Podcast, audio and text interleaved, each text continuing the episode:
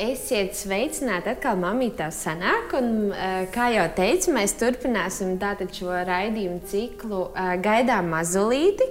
Un studijā, kā vienmēr, esmu es, Kitija Krasnikova un Dūla, uh, trīs bērnu māmiņu un zīdīšanas konsultanti, kā arī juristi. Un neturpināsim sarakstu Inga Bita. Jā, sveikas! Māmas gribās teikt, bet es ceru, ka arī kāds teicis, klausās. Jā, es domāju, ka tēviem arī noteikti ir vērtība. Jā, noteikti. Jā, iepriekšējā raidījumā mēs pieskārāmies eh, grūtniecībai, tātad gaidīšanas laikam. Šajā raidījumā tā, kā, nu, tā uh, sakarīgi būtu iet tālāk uz dzemdībām. Mm. Un, kā saka par dzemdībām, tu vari izlasīt entās grāmatas, tu vari noklausīties entos uh, dzemdību stāstus. Un tāpat nu, tu īsti tu nevari paredzēt, kas tevi tur sagaida dzemdību namā. Nu, tā tieši mm. savas tās. Ja? Un, e, kā šodien arī e, uzdevu savā Instagram profilā, mamīte tev sanāk, ka, ka var atsūtīt jautājumus. Tur bija mamīts, kas teica, ārprāts, cik var stāstīt šausmu stāstus. Taču aizēju uz dzemdību namu un izdaru. Un tas ir tik viegli un forši, un ko tur vispār tik traki gatavoties. Bet uh, katram tas stāsts ir savādāks. Un patiesībā Inga ir brīnišķīgi sagatavojusies šim raidījumam. Kā jau teicu, principā mēs vadīsimies pēc tā plāna. Un, uh, man patīk tas, ko tu esi iesūtījis no paša sākuma, kad nu, uh, tās dzemdības jau sākās daudz ātrāk. Ne, mūsu sievietes ķermenī tajā ziņā, kā mēs attīstāmies, un kāda mm. procesa ir mūsu, mūsu organismā. Varbūt sākam ar to. Jā, uh, nu, pirmkārt, uh, mūsu bērniņi, daļēji pusītis no viņiem, ošana veidā, bija mūsu māmas vēdā kopā ar mums. Wow. Ja? Mūsu, teiksim, manas meitas ošūnas attīstījās grūtniecības laikā, tad, kad mana meita bija manā vēdā. Tur bija tās ošūniņas, kurām būs mani mazbērni. Wow. Jā, tā kā, tā kā šis ir tas, kurš, tas process, kurš sākās jau tad, kad, tad, kad mēs pašas esam mm -hmm. mazi, mazi bērniņi savas mammas vēderā. Nu, bet, eh, bet jā, tomēr tā, tas īstais laiks sākās vēlāk. Un, un no tādas fizioloģijas, no kaula uzbūves, eh, meitenei visas iegurnes, visi kauli ir attīstījušies un auguši nu, apmēram līdz 20 gadu vecumam, vēlākais līdz 25 gadu vecumam. Ir mamītes, kuras piedzemdē ātrāk un forši, un tur nav mhm. nekāda problēma ar to, jā, bet, bet nu, teiksim, tā fizioloģiski. Jo iegurnes sastāv no daudziem kauliem, kuri ir ļoti kustīgi. Mm -hmm. Un patiesībā nu, man pašai šķiet, lai arī ārsti ir ļoti izskaidrojuši dzemdību procesu, un kā tu saki, mēs ļoti daudz ko par to zinām, lasām, filmās, redzam, Jā. vēl kaut kā. Man joprojām šķiet, ka tas ir brīnums. Jā. Es joprojām nesaprotu, Jā. kā tas ir iespējams. Kaut gan man ir piedzimuši trīs bērni. Ja? Uh, kad tur ir ļoti daudz, ļoti liela dievu gudrība tajā. Mm. Un katrā niansē, katrā sīkumā mēs redzam, wow, Nu, Dievs, tu to zināji jau pirms 2000 gadiem. Mēs varbūt medicīnu to tagad atklājam, tagad pierādām, tagad uzzinām. Bet Dievs to zināja jau tad, kad Viņš radīja pasauli, tad, kad Viņš radīja sievieti. Ja? Un, piemēram, tas ir šis stāsts par iegurni, par iegurni kauliem, par to, cik viņš ir kustīgs. Ja? Tas it kā ir kauls, bet viņš kustās. Man ir bildes, wow, jā, Re, kur ir iegurnis. Mm -hmm, mm -hmm. Jā, tātad viņš kustās šeit vienā virzienā, šeit otrā virzienā, un šeit ir simfijas, kur nav kauls, kur ir skriemelis. Viņš spēja pavērties līdz pat centimetram vaļā. Tas, kas ir mūsu astes kauls, tur aizmugurē, arī viņš kustās. Mm -hmm. Ja? Tātad it kā iegurnis ir kauls, bet, lai bērniņš varētu piedzimt, Viņš ir kustīgs ļoti daudzās vietās. Viņš faktiski kustās dzemdību procesā atbilstoši tam, kā bērniņš tur iet iekšā mm -hmm. un, un kā tas viss notiek. Bet es jau atkal aizskrēju. Super. Aizskrēju visam pa priekšu, jo vienkārši liekas, nu, nu, -hmm. tas, ir, tas ir brīnums. Nu, kā, kā Dievs to izveidoja, ja? kā tu to zināji? Jo nu, droši vien tas, pirmais plāna punkts ir tāds, ka mēs katra esam unikāli. Mm -hmm. Mums katrai ir bērniņš unikāls, un Dievs ir mūs salicis kopā. Jā, jā? Jā. Tādus, kādus viņš mums ir salicis kopā. Un tas, kas ir interesanti, um, es jau pagājušajā pieminēju to vietu, kad um, rakstu vietu, kur, kur, kur, um, kur ir teikts, ka, uh, nu, ja es ļāvu, ja es ļāvu bērnam uh, nu, teikt, nonākt mācības klēpī, ja, tad vai tad es aizkavēšu piedzimšanu. Mm -hmm. Bet, uh, patiesībā tā domājot par dzemdībām un bībeli, es nelasu ļoti daudz bībelē par to tieši kā jā. bērni dzimst. Ja? Viņa dzimst. Mm -hmm. Jā, apmēram mm -hmm. tā kā tu teici, kā tev mammas rakstīja, ka nu kā, nu viņš piedzima. Viņš piedzima, jā. jā un, un slavu Dievam par tādām mm -hmm. dzemdībām. Mm -hmm. Es tiešām esmu ļoti priecīga un ļoti pateicīga. Un es ticu tam, ka Dievs ir mūs radījis tā, ka mēs varam piedzemdēt. Uh, bet droši vien, ka ir, nu, tā kā tu saki, jā, ir visādi šausmu stāsti, ir visādas filmas. Un, un uh, tev bija raidījums par pornogrāfiju. Mm -hmm. um, Un es gribu dzemdības kaut kur salīdzināt ar seksuālām attiecībām. Mm -hmm.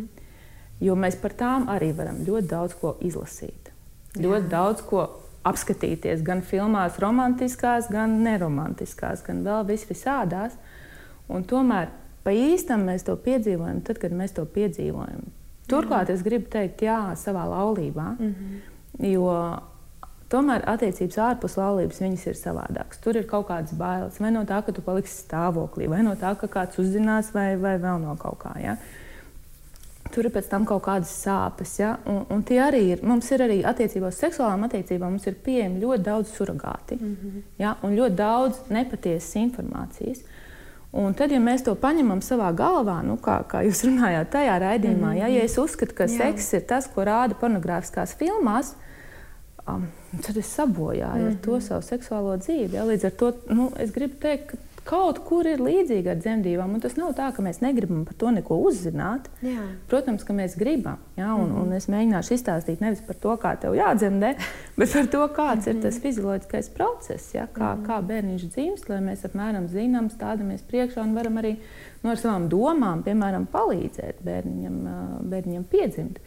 Bet tas ceļš ir katrai savs, tas ceļš ir katrai pilnīgi unikāls un, un tieši tāds, kā, kā tev un tavam bērnam ir vajadzīgs. Mm -hmm. ja?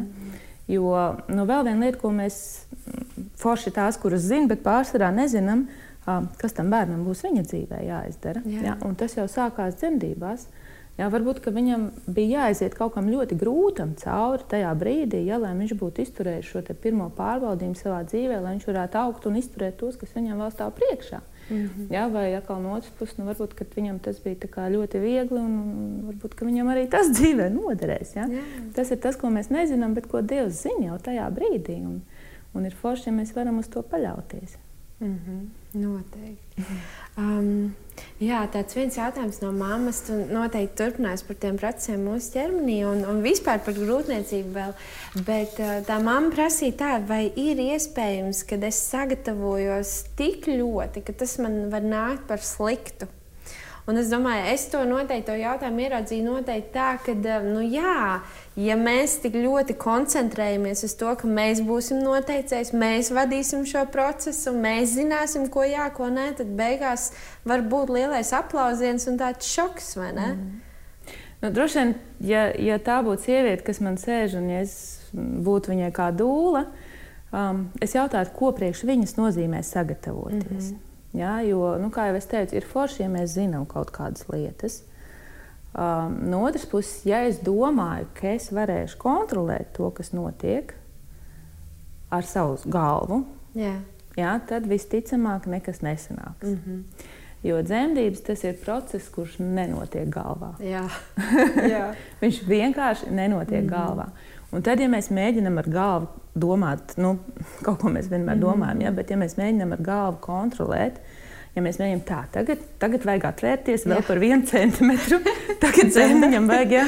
jā. Un, un, jā, es arī savā dzemdībās domāju par to, ka vajag atvērties, mm. un es sūtīju to bērnu tur lejā. Ja? Mm -hmm. Jo droši vien, ka mēs līdz tam arī nonāksim. Man pašai bija diezgan traumatisks un grūts otrās dzemdības mm -hmm. tieši, un, un, un tāpēc es to pārdzīvoju vēlreiz trešajās un tikai sūtīju to bērnu lejā. Ja? Jā.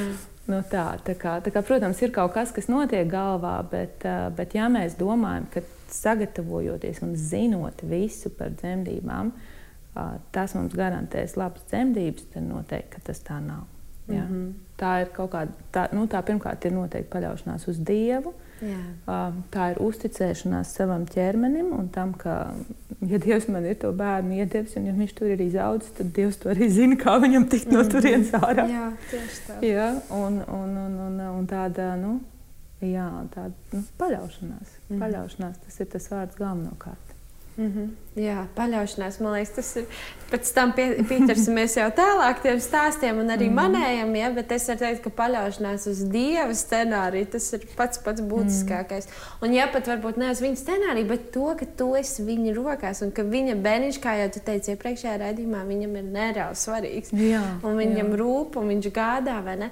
Labi, tu esi tur uzskaitījis diezgan daudz, man likās šausmīgi arī forši un interesanti, ja, kad uh, Tātad grūtniecības laiks ir 280 dienas. Jā, nu, protams, ka tieši tajā dienā Jā. varbūt katram bērnam atkal jau tas ir savs, un katrai sievietei atkal tas mm -hmm. ir mhm. savs. Ja, bet tā zinātniski vidē tās ir 280 dienas, kas patiesībā ir 10 mēneši, nevis 9. Jā. Ja mēs skaitām nu, pilnmēnesis fāzes, ja, teiksim tā. Uh, un, un, ja mēs ļoti precīzi zinām to, to brīdi, kurā tas bērniņš ir ieņemts, tad, tad mēs arī tur varam kaut ko vairāk rēķināt. Nu, tā. mm -hmm. uh, jā. Labi, nu tagad uh, es saprotu, ka man ir uh, sākušās kaut kādas sāpes, un es varu pastāstīt savu sākumu. Mm -hmm. nu, pirmkārt, uh, man bija tieši vizīte pie ārsta, un es saprotu, ka man ir kontrakcijas, ka man sāp. Es aizēju pie ārsta, un ārsts pasakā, nē, tas ir viltus kontrakcijas. Ja? Mm -hmm. Un es to nebiju sajūtu, ka īstās, un nākamajā dienā man sākās īstās dzemdības reliet. Ja? Bet man liekas, ka mēs visas mammas ierodoties pirmo reizi ar pirmo bērniņu un dzemdību namā, sakam, labdien, es te atbraucu dzemdēt, un ap cik cikiem tas varētu būt. Man liekas, ka tas diezgan aktuāls. Man arī mamma, e, vecapā mēs sazvanījāmies nepārtraukti. Viņa saka, nu, kā tev izskatās ap cikiem? Vai jau var iet gulēt, vai kā? Jā. Nu, jā, kā ir, vai var paredzēt ap cikiem tas process uh, sākās, vai ne? Um. Es ticu mammas intuīcijai. Mm -hmm. Un, ja mamma no tādas intuīcijas saka, tikos, jā, jā, jā. tad ļoti bieži izrādās, ka tā ir taisnība. Wow. Bet, ja mamma mēģina aprēķināt, mm -hmm. uh, nu, tad visticamāk, ka tā taisnība nebūs. Ir kaut kādas likumsakarības, kas ir dzemdībās. Um, dzemdībās ir ļoti svarīgs oksitocīns. Mm -hmm. Jā, mēs jau par to runājam. Šķiet, ka arī iepriekš mazliet, ka tas ir, tas ir laimes hormons. Tas ir hormons, kurš veidojās tad, kad mēs esam priecīgi, tad, kad mēs jūtamies samīļoti, tad, kad mēs skatāmies uz saviem bērniem, kuri mums jau ir. Jā, tā, tā, tā sajūta, ka mēs kādu ļoti, ļoti mīlam, tas ir fizioloģiski, tas ir oksitocīns. Mm -hmm. Un šim oksitocīnam ir tāds dabisks cikls 24 stundu periodā, kad viņš sāk celties kādos 5-6 vakarā tad viņam ir augstākais punkts divos naktī. Mm -hmm. Un tad viņš atkal lēžās lejā mm -hmm. nu, līdz kaut kādiem, nu, teiksim, diviem dienām. Mm -hmm. Tāpēc, ja mamīte jūt kontrakcijas 10 no rīta, 12. Nu, pirmkārt, jā, varbūt tās mm -hmm. tiešām ir tikai treniņa kontrakcijas. Mm -hmm. Bet treniņa kontrakcijas, nu, viņas tā kā būs kaut kādu laiku, un tad tu vispār par viņām aizmirsīsi, aizies savā dzīvē, sāks darīt savas lietas, un atcerēsies, ah, nākamajā dienā, oh, nu, kaut kas tur tāds bija. Ja? bija. Um, ja jau tā ir tāda, jau, jau tāda iešūpošanās pirms dzemdībām, nu, kā bija man, piemēram, man arī bija iepriekšējā mm -hmm. dienā jau, tā kā līdzīgi kā tu stāsti. Un es jūtu, ka nu, ik pa stundai, jā, jā. Ja, es kaut ko tādu jūtu, bet nu, es mierīgi varu runāt, mm -hmm. jā, es mierīgi varu domāt. Jā. Nu, tas nav tā, ka man tā kontrakcija traucē dzīvot. Es mm -hmm. viņu jūtu. Un, ja tas ir kaut kāds dienas laiks, tad es kā dūla mammai teiktu, ej, gulēt. Jā. Jā, es teiktu, ej gulēt, gatavojies tam laikam, kad oksitocīns celsies, un iespējams, ka tās dzemdības būs spēcīgākas. Ja? Tā kā izmanto to laiku arī gudri. Un uh, nevis mēģināt sakārtot māju Jā. pēdējā brīdī, Jā. pirms jau tūlīt būs -hmm. jābrauc dzemdēt. Ja, bet atpūsties un uzkrāt spēkus. Jo ir ļoti daudz cilvēku, kas dzemdības salīdzina ar maratonu. Nu, Es neesmu skrējis maratonu, mm -hmm. tāpēc man ir grūti salīdzināt. Jā. Jā, bet ir skaidrs, ka tur vajadzēs ļoti daudz spēka. Mm -hmm. Tāpēc arī es mamām iesaku dekrēta atvaļinājumu izmantot. Jā, ir forši, ja mēs varam visu sakārtot, iztīrīt vēl kā, un tomēr, lai uzkrātu spēkus. Ja? Jā. Gan fiziskos spēkus, gan garīgos spēkus, darīt to, kas patīk. Ja patīk staigāt, ja patīk iet uz kino, satikties ar draugiem. Labi, mums mm -hmm. tagad ir ierobežojumi visādi. Jā, bet, jā. bet, bet darīt to, kas mm -hmm. mūs uzlādē, rēķinoties, ka pēc tam droši vien tas būs mazāk iespējams. Ja, Ir treniņu kontrakcijas, kas ir tīri tādas, mm -hmm. nu, mhm. kuras um, varbūt mēnesi pirms dzemdībām, jā, varbūt divas nedēļas pirms dzemdībām, un mēs viņus tā kā, nu, viņas ir tajā brīdī. bet pēc tam mēs viņus aizmirstam. Ja, tad ir jau tā, kas ir jau tāda dzemdību latentā fāze, kas ir jau tāda iešūpošanās pirms dzemdībām, un viņa arī var būt kaut kādu laiku. Ja, un, ja mēs sākam no pirmās, jau, jau pierakstīt, jau, jau skaitīt, ja, nu, Jā. protams, savā galvā var, nu, ja tu reizi stundā, tad nu, droši vien ir jāiet gulēt, jā, ir mhm. jāiet atpūsties. Bet, um, bet ja jau mēs to sākam skaitīt jau, jau kā tādu ļoti. Nu, jau kā dzemdības, nu, tad, tad mēs dzirdam, es dzemdēju 48 stundas. jā, jā, tiešām ir tāds. Nu, tad tā var sanākt, ja? mm -hmm. bet, mhm. bet varbūt ne vajag to uztvert mm -hmm. uzreiz tā tik briesmīgi, bet, eh, bet mēģināt saprast, kas ir tas, kas man var atbrīvot. Ja? Jo šis ir tas brīdis, kurā vēl var atbrīvoties. Mm -hmm. ja? kurā vēl var mēģināt ar to pašu silto vānu vai vēl kaut ko nu, tā kā, tā kā atslābināties mm. un tam līdzīgi. Ja? Bet, bet jā, jau tu zini, ka jau ir tas vakars, un jau tas oksitocīns ceļās, un vēl kaut kā. Un tu guli un saproti, ka nu, vairs jau laikam aizmigt mm -hmm. taču nevarēs. Mm -hmm. nu, tad droši vien jāceļās un jāsāk strādāt. Ja, jo, Jā. jo tā, tā dzemdība pirmā fāze, nu, faktiski tā atvēršanās, visa viņa tāda medicīniski pirmā fāze, bet tomēr viņa vēl iedalās divās. Ja? Mm -hmm. Un, kā es to teiktu, viena ir tā, kurā tu vēl vari darīt kaut ko citu. Jā. Un tad nākamā ir tā, kurā tu vairs neko jā, citu darīt nevari. Tu jau zini un jūti. jā. Jā. Bet Jā. Eh, runājot par dzemdībām, man vispār ļoti patika, mm, vai brīnišķīgās dzemdības, vai ir, ir kaut kāds vārds, kad lieto nu, tiešām skaistās, un kad dzemdības ir īstenībā jāizbauda, vai ne? Kad uz dzemdībām nav jāiet tā kā uz, uh, uz sodu kaut kāda, ja, jo, kā agrāk teica, vīrieti armijā un sievietes dzemdē, ja?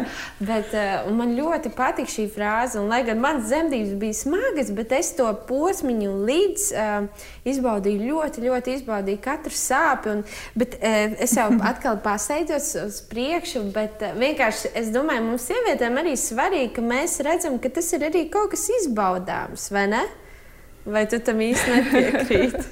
Protams, ka tās ir sāpes, bet man liekas, uh, kā saka par dzemdību sāpēm, ka tām sāpēm ir jēgas. Mm -hmm. Ja tu salauzi kāju, tad vienkārši sāp, nu, tad tās ir tiešām bezjēdzīgas sāpes kaut kādā mērā. Bet šī katra sāpīte, kā, kā man teica, un palicis prātā, ka viņi ved tuvāk bērniem. Jā, jā, es droši vien to drīzāk sauktu tā, un otrs ir. Mēs tiešām to pēc tam, ja mēs arī pagājušajā jau mm -hmm. pieminējām to dabīgo oksitocīnu.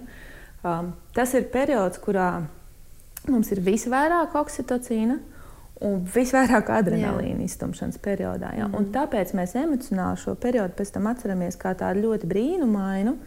Jo Dievs ir parūpējies Jā, par to, lai super. mums tie hormoni tur tik daudz dažādi būtu, un mm. lai mums tas nepaliek prātā kā murgs. Nu, droši vien tāpēc, ka nu, lai mums vēl būtu bērni. Jā, jā.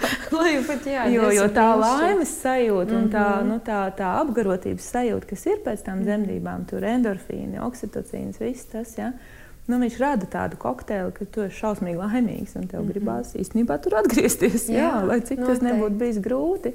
Jā, atkal salīdzinot ar maratonu, kur es neesmu skrējusi.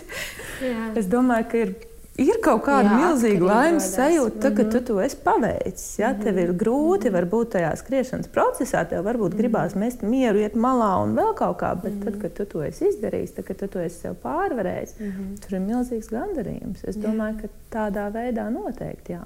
Un jā, tām sāpēm ir jēga, turklāt viņas, tās ir muskuļu sāpes. Mm -hmm. ja? Mm, droši vien ir grūti izstāstīt uh, to, kādas viņas ir, ja, bet, mm. bet zemde ir muskulis. Droši vien to mums ir svarīgi zināt. Un tāpēc tās sāpes nav tādas, ka tev griež ar nāzi. Jā. Jā. Ja? Mm -hmm. Viņas ir tādas, ka nu, mums katrai droši vien ir sanācis pavingrot vai vēl kaut Jā. ko izdarīt tādu, ka pēc Jā. tam sāp mm -hmm. muskuļi. Ja? Tās, mm -hmm. ir, tās ir muskuļu sāpes un sāpes, kurās muskulis savēlkās. Nu, Varbūt mazliet ar krampjiem var salīdzināt, kas arī ir tāda muskuļu savilkšanās, bet, uh, bet, bet nu, jā. Mm -hmm. Nu, jā, mēs tagad ierodamies dzemdību namā, un pirmā lieta, kas mūs sagaida, nu, manā gadījumā tā bija brīnišķīga, ļoti laipna. Es nezinu, viņa skaitās māsiņa, ja, kas sagaida sākumā un mm -hmm. apskata tādu atvērumu, un tas jau laikam ir tavā plānā vesels, vesela nodeļa, par ko mums parunāt. Un, protams, eh, mammas ir laimīgas, ka viņas tikko ir ieradušās dzemdību namā. Viņām pasaka, o, 8 centimetri laiks izspiešanai. Ja? Nu. Un ir kāda māmiņa, kur, mm. kāda saka, 48 stundas jau ir cīnījusies. Viņai pasaka, tur nekā nav, tur brauciet mājās vai, nu, labi, 2 centimetri iet augšā. Ja? Mm. No kā tā atvēršanās ir atkarīga, vai mēs varam kaut kā palīdzēt atvērties? Un, jā. jā. Un šis ir tas grūtais moments, kurā mums saka, atslābinies. Jā, jā. jā. Jo nu, arī var būt tāds ne ļoti adekvāts salīdzinājums, bet, um, ja mēs iebāžam mutē bumbiņu, kas mm -hmm. dažreiz bērniem gadās, mm -hmm. tad, ja mēs savalkam un mēģinām wow. viņu dabūt ārā, Jā. mēs droši vien viņu nedabūsim ārā. Mm -hmm. Tad, ja mēs atbrīvojam, tad tie audi kļūst mīkstāki, viņi kļūst brīvāki, un mēs varam dabūt ārā to, ko mēs iepriekš ārā dabūt nevarējām. Mm -hmm. wow. Jā, līdzīgi tas ir ar, ar zemes kaklu, ar, zemes kaklu, ar mūsu makstu, ar, tie, ar to atvērumu, ka jo mēs spējam tur būt brīvākas, jo vieglāk viņš atvērsies un, un jo vieglāk viņš izstiepsies. Ja? Un jo mēs esam saspringtākas, mm -hmm. jo grūtāk viņš varās, jo vairāk ir plīsumi, jo, jo, jo grūtāk bērniem tikt ārā. Un kā nu tagad uz knipja sitienu mums Tieši atbrīvoties? Ja? Jā. Nu, tas ir tas lielais jautājums. Ja? Um, te palīdz elpošana. Mm -hmm. Ļoti palīdz elpošana, piedomāt pie elpošanas. Mm -hmm. um, tas, kas vēl ir, ir grūti būt saspringtam, tad, ja tev mute ir brīva. Mm. Un tāpēc ļoti bieži nu, tas jau tādā jau tajā aktīvajā dzemdību fāzē, nu, kad, kad tiešām jūt kontrakcijas un kad tiešām gribās sasprindzināties, ja, nevis ļauties tām sāpēm, mm -hmm. bet mukt no viņām. Um, mēģināt, tāpēc, nu, tāpēc arī vienmēr sāk ieelpot caur degunu, izelpot caur muti. Mm -hmm. Ja, mm -hmm. Izelpot caur brīvām lūpām, caur brīvu mutu un piedomāt pie tā. Ja nesanāk dabīgi, tad šis ir tas, pie kā var piedomāt. Jā. Ja? Ka es izelpoju, ka es atbrīvoju savu žokli. Mm -hmm. Jo tagad mēs esam saspringuši, mums bieži vien lūpas saspiestas, žoklis sasprindzināts, pleci vēl uzrauti. Mm. Ja? Un šīs ir tās lietas, pie kurām var mēģināt piedomāt un var mēģināt apzināti viņas atbrīvot. Ja? Mm, var mēģināt uh, to saspringumu novadīt kaut kur citur. Ja, un te mēs jau, jau pieskaramies vēl vienai atsevišķai tēmai par, par, par tēta lomu dzemdībās. Uh, un par to, kā tēti tēti uzlikt. jā. Jā, un, mm. un ir mammas, un, un man ir savs stāsts par to, kā man vīrs ļoti palīdzēja. Man liekas, ka es bez viņa nebūtu piedzemdējis. Ja? Kaut gan, un, un tur mums ir ģimenē konflikts, jo viņš saka, ka viņš neko nav darījis. Jā, un to es droši vien arī pastāstīšu. Mm -hmm. bet, um, bet vēl viena lieta, šo saspridzinājumu uzlikt. Sievietes ir, kuras saka, man vajadzēja vīra roku. Man vajadzēja, lai es varu vīram saspiest roku. Re, kur es atkal izdrukāju, ja tā ir bilde ar roku. Mm -hmm. ja, kad, kad tu vari savās rokās varbūt mm -hmm. tos, to, to, to sasprindinājumu novadīt un nevis spiest dīvānu vai palodzi mm -hmm. vai vēl kaut ko, bet ka tev tur tomēr ir cilvēks un nu, piedodiet vīri, kuriem pēc tam ir saskrāpēts rokas vai zilumi, tad jūs vismaz jutāt kādu daļu no tā. Jā. Tu man atgādināji, ļoti. Es biju pārsteigta. Man liekas, ka tas tā ļoti man nāk palīdzīgā. E, nu, tas, ka tev rādās, ka tev tuvojās kontrakcija, ka tev mm -hmm. tuvojās sāpes, man tas tā palīdzēja. Jo tieši tā kā tu saki, tikko es jūtu, ka man tuvojas tā Vladislava, un viņš man dod roku, un es vienkārši spiežu to roku. Jā. Un, un es nezinu, kā tev, ah, tu, nu jā, jo, tā. Es tev varu pateikt, ja tu gribi pauzīt, vai kaut ko tu man saki, ja? Nu, ja jā. gadījumā tu gribi. Tā, tā, jā. Kā saucās tas aparāts? Pat nezinu, vienalga, vai ne? Jā, es nu, arī tagad nezināšu. jā, es biju pārsteigta par, par to aparātu, kurus nezinu, kā sauc. Jā, ka viņš tev rāda priekšā, ka tev nāk tā kontrakcija. Es domāju, wow, nu arī kā izdomāts. Ja? Es nezinu, kas tā pa tehnika, ka tev jau rāda, un tu vari sagatavoties. Es nezinu, man tas ļoti, ļoti palīdzēja. Un tad Vadislav, kā tu saki, roka jau tiešām bija zila. Un par to, par to atvērumu. Te vēl es minēju glotu gļotu korķi. Un es biju pārsteigta, ka tas gļotu korķis nu, nav tā, ka iznāk gļotu korķis, uh, izlaižās ūdeņi un tad aiziet bērns ir ārā. Mm. Ja? Tas var būt tiešām beigās stundas starpā. Tas man bija pārsteigts. Jā, un pat varbūt dienas starpā. Jā. Ja, jā. Jo gļotu korķis, viņam funkcija atkal, viņš jau nav tāds pats par sevi. Ja? Mm -hmm. Viņš sargā bērniņu, mm -hmm. lai tur nenonāk nekādas infekcijas. Atkal, cik Dievs jā. ir vienkārši vienreizēji izdomājis. Jā, jā. Jā. Mm -hmm. Un, un nu, teiksim, ja mēs varam nodarboties ar seksu, mēs mm -hmm. varam mazgāties, mēs varam. Nu, mm -hmm. jā, nu, teiksim, tā, ir, mm -hmm. ir iespēja, ka, ka teiksim, mums pie mūsu dzimuma orgāniem nonāk kaut kādas mm -hmm. infekcijas. Gļotikorts ir tas, kurš sargā, lai viņas netiek pie bērniņa klāta. Ja, caur turieni. Mm -hmm. Placenta ir, ir tā, kas sargā no citurienes. Ja, un, un, un, un gļots sargā no, no apakšas. Nu, tad, kad bērnam ir laiks jau dzimt, tad, kad mm -hmm. um, zemes kakls sāk jau kļūt brīvāks un vērties, viņš vairs nenoturīs to gļotu korķi, tad viņš nāk ārā. Um, nu, tas ir tāds arī. Nu, Nu, teiksim, jā, zinām, atkal zīme par to, ka jāiet atpūsties. Jā, jā, jo jā, es ar to jā. vairāk kārt uzsvēršu, ka nevis tagad mm. sākt stresot, satraukties, um, baidīties vai vēl kaut ko darīt. Mm -hmm bet atpūsties un uzkrāt spēkus. Ja, tur var būt arī dienas starpā līdz tam, kad sākās tiešām īstas dzemdības.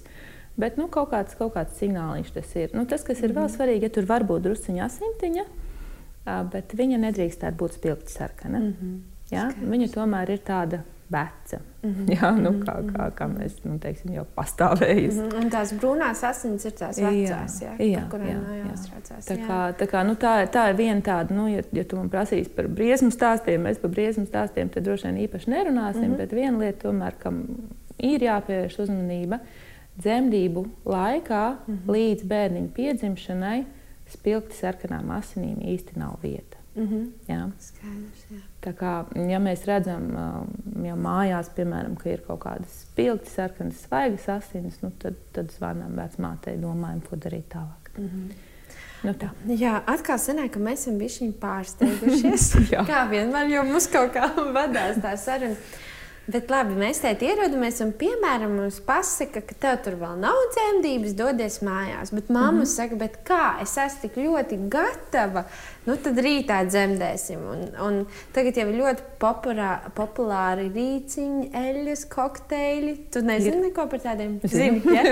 ir, ir seks noteikti. Es skraidīju pa Siguldas kāpnēm, jo es biju iedomājies, visas gribu rītā un mm -hmm. pa Siguldas kāpnēm augšā lejā neko nedeva. un ir dažādi veidi. Un tad, protams, ir tas, ka doktors pasakā, viss um, tad ierosinam, ja varbūt tu vari pieskar, pieskarties šim. Kā tu vispār saki, vai mums kā mamām nu, vajadzētu teikt, es esmu tagad gatava un aiziet tagad bērniņu?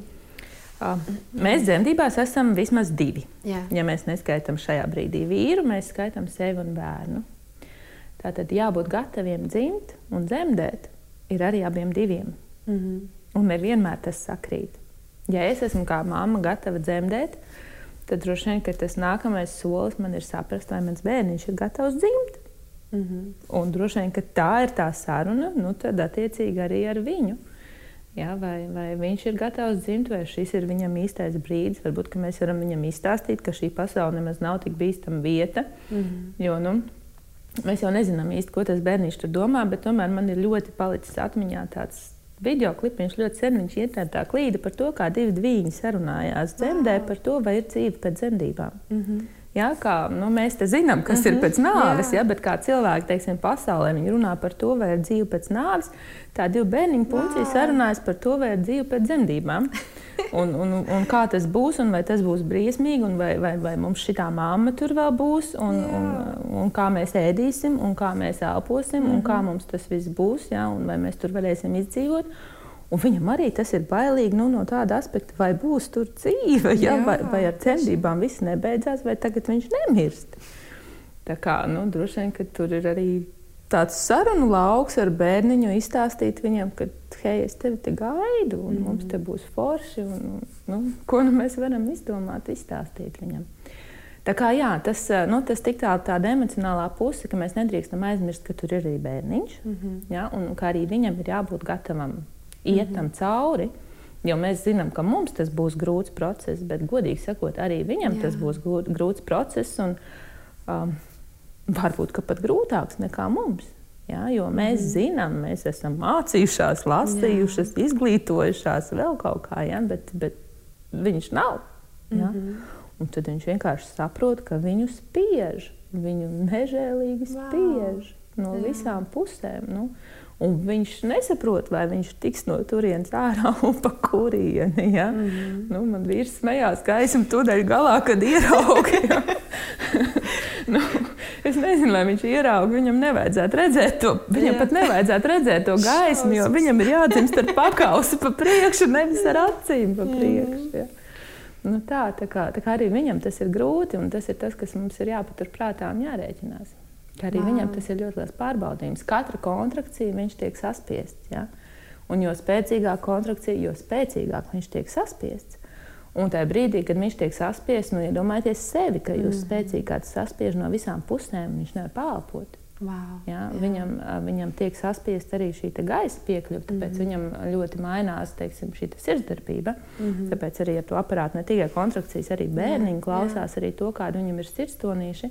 Jo ir normāli, ka viņi lēkā, ka viņi mainās dzemdību laikā diezgan jūtami, bet, mm -hmm. bet ir kaut kādas robežas, ja, un tās tiek kontrolētas mm -hmm. visu laiku. Tā kā tā. Tā kā tā. Bet, nu, ja jūs esat visu sarunājuši un esat Jā. tomēr gatavi, tad atkal nākamais, laik, nākamais jautājums, cik ir pulkstenis? Mm -hmm. 12. dienā nav jēgas ne logus mazgāt, ne staigāties. Wow, ne jā. vēl kaut ko darīt. Ja? Tas to... neko nedos, ja, ja tu gribi. Tas neko nedos. Wow, jā. Tad Vis... vakarā uzreiz. Oh, nu, es teiktu, tā izgulies Jā. kārtīgi. Nu, un, ja nu tu jūti tās kontrakcijas, mm -hmm. Tad, tad ir jēga iet staigāt uz nakti. Mm -hmm, bet, Jā. ja tu nejūti, tad nav īsti arī jēgas neko darīt. Ja? Nu. oh. Jā, atkal nākamais jautājums ir, ir, ir laiks, līdz kuram ārsti mums ļauj. Ja? Mm -hmm. Tas ir 42 nedēļas. Mm -hmm. Un tad saka, tā, ja tev līdz tam datumam nav sākušās dzemdības, tad nāc Astoņos no rīta mēs tevi ierosināsim. Mm -hmm. Nu, saku, kādi astoņi no rīta? Jā. Tur oksitocīns viss krītās. Tur ir skaidrs, ka būs mākslīgais mm. oksitocīns. Tur ir skaidrs, ka būs nežēlīgas sāpes. Grūti. Tur ir skaidrs, ka būs grūti. Nē, jā. negaidām jā. astoņas no rīta uz ierosināšanu. Nu, tad kaut ko darām. Jā. Jā, un tad, nu, piemēram, viens no ierosināšanas līdzekļiem ir prostaglandīna gēls mm -hmm. kas tiek uh, mm. ielikts makstī. Kur mēs dabīgi varam dabūt prostaglandīnus? Spērmā. Mm -hmm. Uzliks pīķi. jā, jā. jā, tā kā, mm -hmm. un atkal, kas mums ierosina dzemdības? Oksitocīns. Nu, Orgasms ir viens no oksitocīna augstākajiem punktiem ārpus dzemdībām. Mm -hmm. ja? -hmm. Tā kā nu, te ir atkal sveiciens vīriem, un, un šis seks būs priekš sievas, nevis priekš jums. Tātad, ja jūs gribat dzemdības, tad dariet visu, mm -hmm. lai sievai ir labi. Mm -hmm. nu, tā. Super. Tas ir tas dabīgais veids. Jā. Ja? Un, un tad nu, rīcinēļi tas jau ir sadarbība. Es teiktu, ka tas jau ir sadarbībā mm ar vecmātu vai nu, Mm -hmm. Vislabāk ar vecmāti. Arī dūlē ir kokteili, ir recepte, arī man ir recepte, bet es viņu neteikšu tagad. Katrā ziņā tas nav tā, ka es esmu 38. nedēļā, man viss ir apnicis, man ir smagi, un es tagad dzeršu rīciņais kokteili, vai ne? Mm, nē, es mm -hmm. tomēr 38. to noteikti neieteiktu. 38. tad runājam ar bērniņu. Ja? Jā. ja tā ir jau 42. un es saprotu, ka man ir vai nu šitais. 8 no rīta vai jā. zāles, nu, tad es labāk izvēlētos vispirms izmēģināt vispārējo. Mm -hmm. nu, mhm, laikam, teikšu tā. Super. Nu, tālāk, mēs, ko mēs vēl runājam kaut ko pirms dzemdībām, vai mēs ejam uz dzemdībām jau? Par atvēršanos mēs jau parunājām. jā, jā. Nu, nu. Tātad, tas ir muskulis, un mm -hmm. viņš savākās, ja dzemde mums ir izaugusi Ja, ja okay, ir izaugusi ar bērniņu teiksim, ļoti liela, jau te virs krūtīm, mm. tad, tad tas, ko viņa dara, viņa ir vēlkās uz augšu. Ja, mm. Tad viņa rulējās, nu, tā kā tāds džemperis. Mm. viņa rulējās, tā kā nu, viņa paliek šī augšpusīte ar vien biezāka, un tur apakšpusīte ar vien plānāka, lai viņu ar bērniņu izlaist ārā. Ja? Un, nu, tas ir tas, ko mēs varam varbūt kaut kādā brīdī arī piedomāt, ja, jā, vai, vai, jā. vai nu, kaut kā tā, ka, ka tas ir tas, kas notiek atvēršanās procesā. Ja. Mm -hmm. Tad zemdē rulējot uz augšu, viņa apakšā vērās vaļā. Mm -hmm. ja, viņa atverās līdz 10 centimetriem. Kāpēc 10? Nu, tāpēc, ka tas iegūņa atvērums mums ir parasti 10 centimetri. Ja, un te ir, ja jau mēs Nu, laikam, jā, par tām divām fāzēm mēs jau izrunājām, jā, tad, tad tā aktīvā fāze dzemdībās, nu, tā ir tā, kurā vairs negribās nejokoties, kurā ir pilnīgi vienalga, vai tev ir sveces, vai tev ir aromaterapija, vai kāds tev skats pa logu. Tieši tā. Jā, kurā tu mm -hmm. saproti, ka tu strādā. Mm -hmm. jā, un, un kurā tad ir, nu, droši vien, ka ir jāmeklē, patiesībā sakot, ne, ne gluži vienmēr vieglākais veids. Jā. Mm -hmm. Jo nu, es savā pēdējās dzemdībās, četros no rīta guļu gultā, un es saprotu, ka ir kontrakcijas. Mm -hmm. Tagad man ir divi varianti. Es varu turpināt gulēt un slinkot, vai es varu celties augšā, saprast, ka būs sāpīgāk. Jā. Tāpēc, ka gravitācija strādā arī uz bērniņu, jā, mm -hmm. tāpēc, tāpēc ir forši, ja mēs varam nevis gulēt, bet arī staigāt un būt vertikāli. Un tā. Bet toties tas ātrāk beigsies. Mm -hmm. ja? un, un tas arī varbūt kaut kādā brīdī ir tas lēmums, ko sieviete pieņem, ka es neizvairīšos no citām sāpēm. Jā. Ja? Jo tā vai tā būs jāpiedzemdē. Nu, te bija šī tāds salīdzinājums varbūt ar vaksāciju, ko sievietes droši vien diezgan labi pazīst. Ja? Nu, ka tu vari ātri un sāpīgi izraut mm -hmm. visu, vai tu mm -hmm. vari ilgi raut pa vienam matiņam. Tas ir droši vien mazāk sāpīgi, jā. bet tas būs ļoti ilgi. Jā. Wow, un, un, nu, kaut kur emocionāli mēs pieņemam lēmumu, jo dzemdē ir muskulis, ko mēs nekontrolējam ar apziņu, mm -hmm. bet viņu kontrolē zemapziņa. Mm -hmm. ja, un, un tur ir tāda. Nu, Tāpēc bieži vien mēs meklējam kaut kādus ļoti dziļus iemeslus, bet to jau grūtniecības laikā, vai varbūt pēc, jau, jau pēc dzemdībām kaut kāds laiks ir pagājis. Mēs varam meklēt iemeslus, kāpēc bija tā, kā bija, ja, lai, mm. lai teiksim, nākotnē tā vairs nebūtu. Ja, bet tajā brīdī jau tur vairs neko. Nu, tajā brīdī Jā. viņi kontrolē zemapziņu, bet ja mēs tā iekšēji pieņemam lēmumu, ka ok, es tagad, Dievs, es esmu gatavs šo darbu mm. darīt. Ja, un, uh, Nu, no vienas puses, neliekas ar, ar jēzu to salīdzināt tā ļoti, bet, bet no otras puses, jēzus ģedamas dārzā pateica, Dievs, es esmu gatavs to darīt. Mm -hmm, ja? mm -hmm. Un, un, ja mēs esam, pasakam, es esmu gatavs to darīt, es, es ņemu pretī jā, tās sāpes, jā. un es eju ar katru nākamo sāpju pretī bērniņam, un es zinu, ka šis nebūs bezgalīgi. Mm -hmm. ja? es, es, es vēl vienu varu. Jā, ja? es varu. Es vēl vienu varu, vai es vēl mhm. piecas varu. -hmm. Ja? Nu, kā mēs vingrojot kādreiz, nu, vēl, vēl 5 stūraņus. Tieši tā. Jā. Jā, kad kad nu, nolikt tos īsos, ja nevis, ah, oh, man te visu nakti tagad tā jāmocās, mm. es to nevaru, ja, bet, bet vēl vienu es varu, ja, mm. vēl divas es varu. Un tā pa soli pa solītim mēs nonākam līdz tam pilnajam atvērumam. Jā, Jā tā ir. Man Jā. ļoti patīk tā, tā doma, vēl vienu es varu. Jā. Mm. Jo tas beigas palīdz. Tas beigas palīdz. Jā, meklēt, meklēt pozas, bet atkal, ja nevis, nevis kur mazāk sāp, mm -hmm. bet es, es ticu, ka mēs arī jūtam, nu, kur tā jā, sāpe ir efektīvāka, jā, jā. Ja, kur mēs jūtam, ka tas bērniņš tomēr vairāk iet uz leju. Mm -hmm. un, un te ir tā atbalsta persona, vai tā ir dūle, vai tā ir vecmāte, mm -hmm. nu, kas var droši vien arī pīšiņi tajā palīdzēt mm -hmm. un pakonsultēt un vēl kaut kā. Jā, vai, vai iekārties vīram kaklā, ja, vai, Jā. vai atbalstīties pret vīru. Nu, šis ir tas brīdis, kad, kad ir, tas, kad ir, nu, mm -hmm. ir mhm. forši, ja vīrs var iesaistīties un var būt mm -hmm. klāt un var būt atbalsts. Ja, jo nu, arī, arī man tas lielākais atbalsts bija šajā aktīvajā atvēršanās mm -hmm. fāzē, kad es uz kontrakciju, jā, es, es aktīvi strādāju, es tur biju, nu, teiksim, ķermenis bija aktīvs.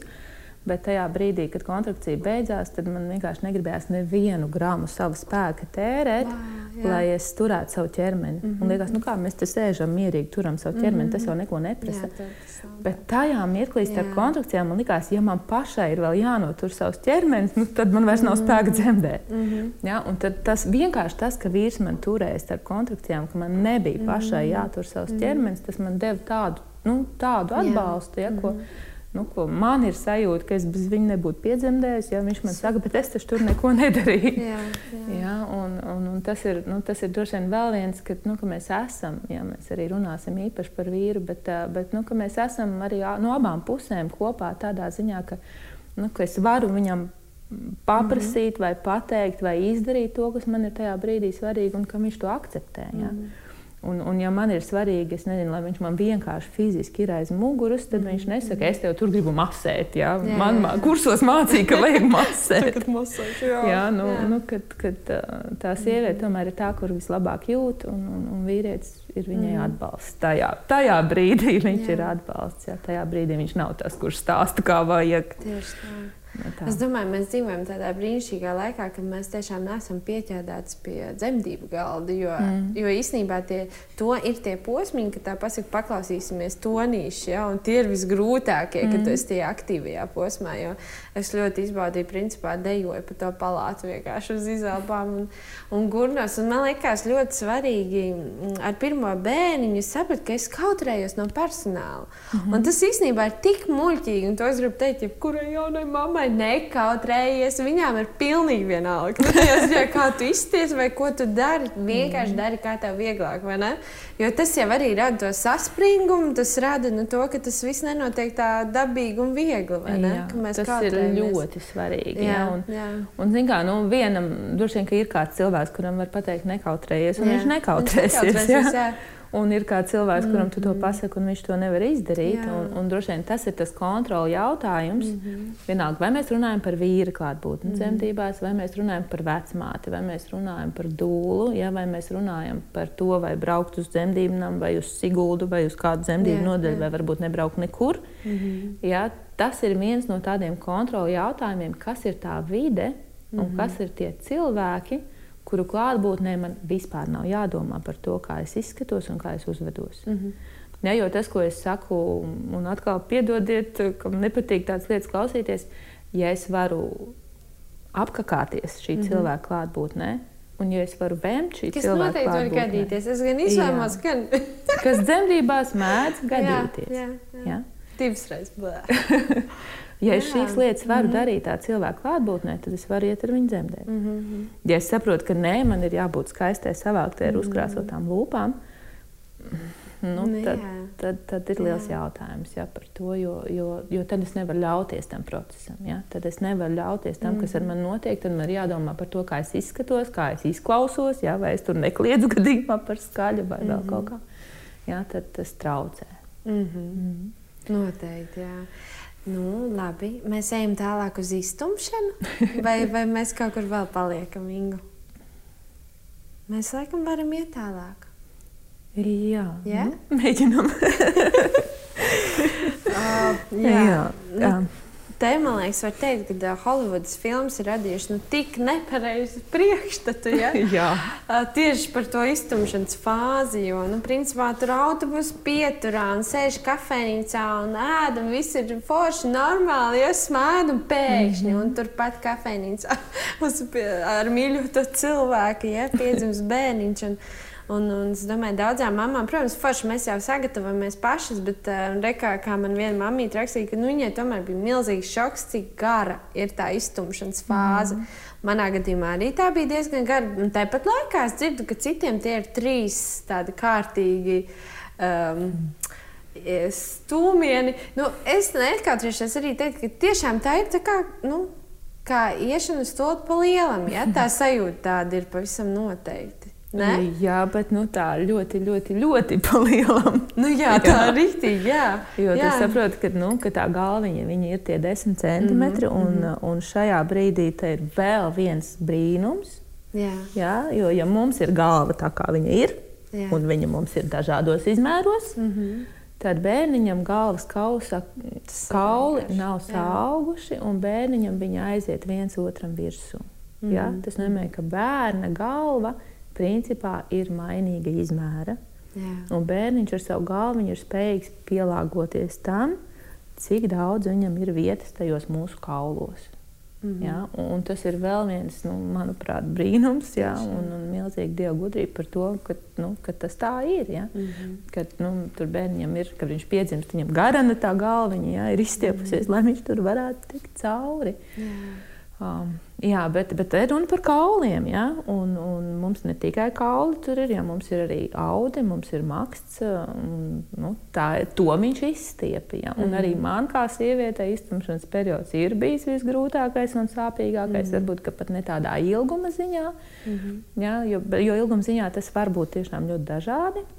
Mm -hmm. bet, bet tieši tajā ziņā, ka, nu, ka ļoti sāp, ka ritīgi stiepjas. Un, un, un plēšās. Un ir, nu, ir, ir kam nav plīsumi, un superīgi, ka nav. Mm. Ja? Un ir atkal, kam ir plīsumi, un arī tas ir ok.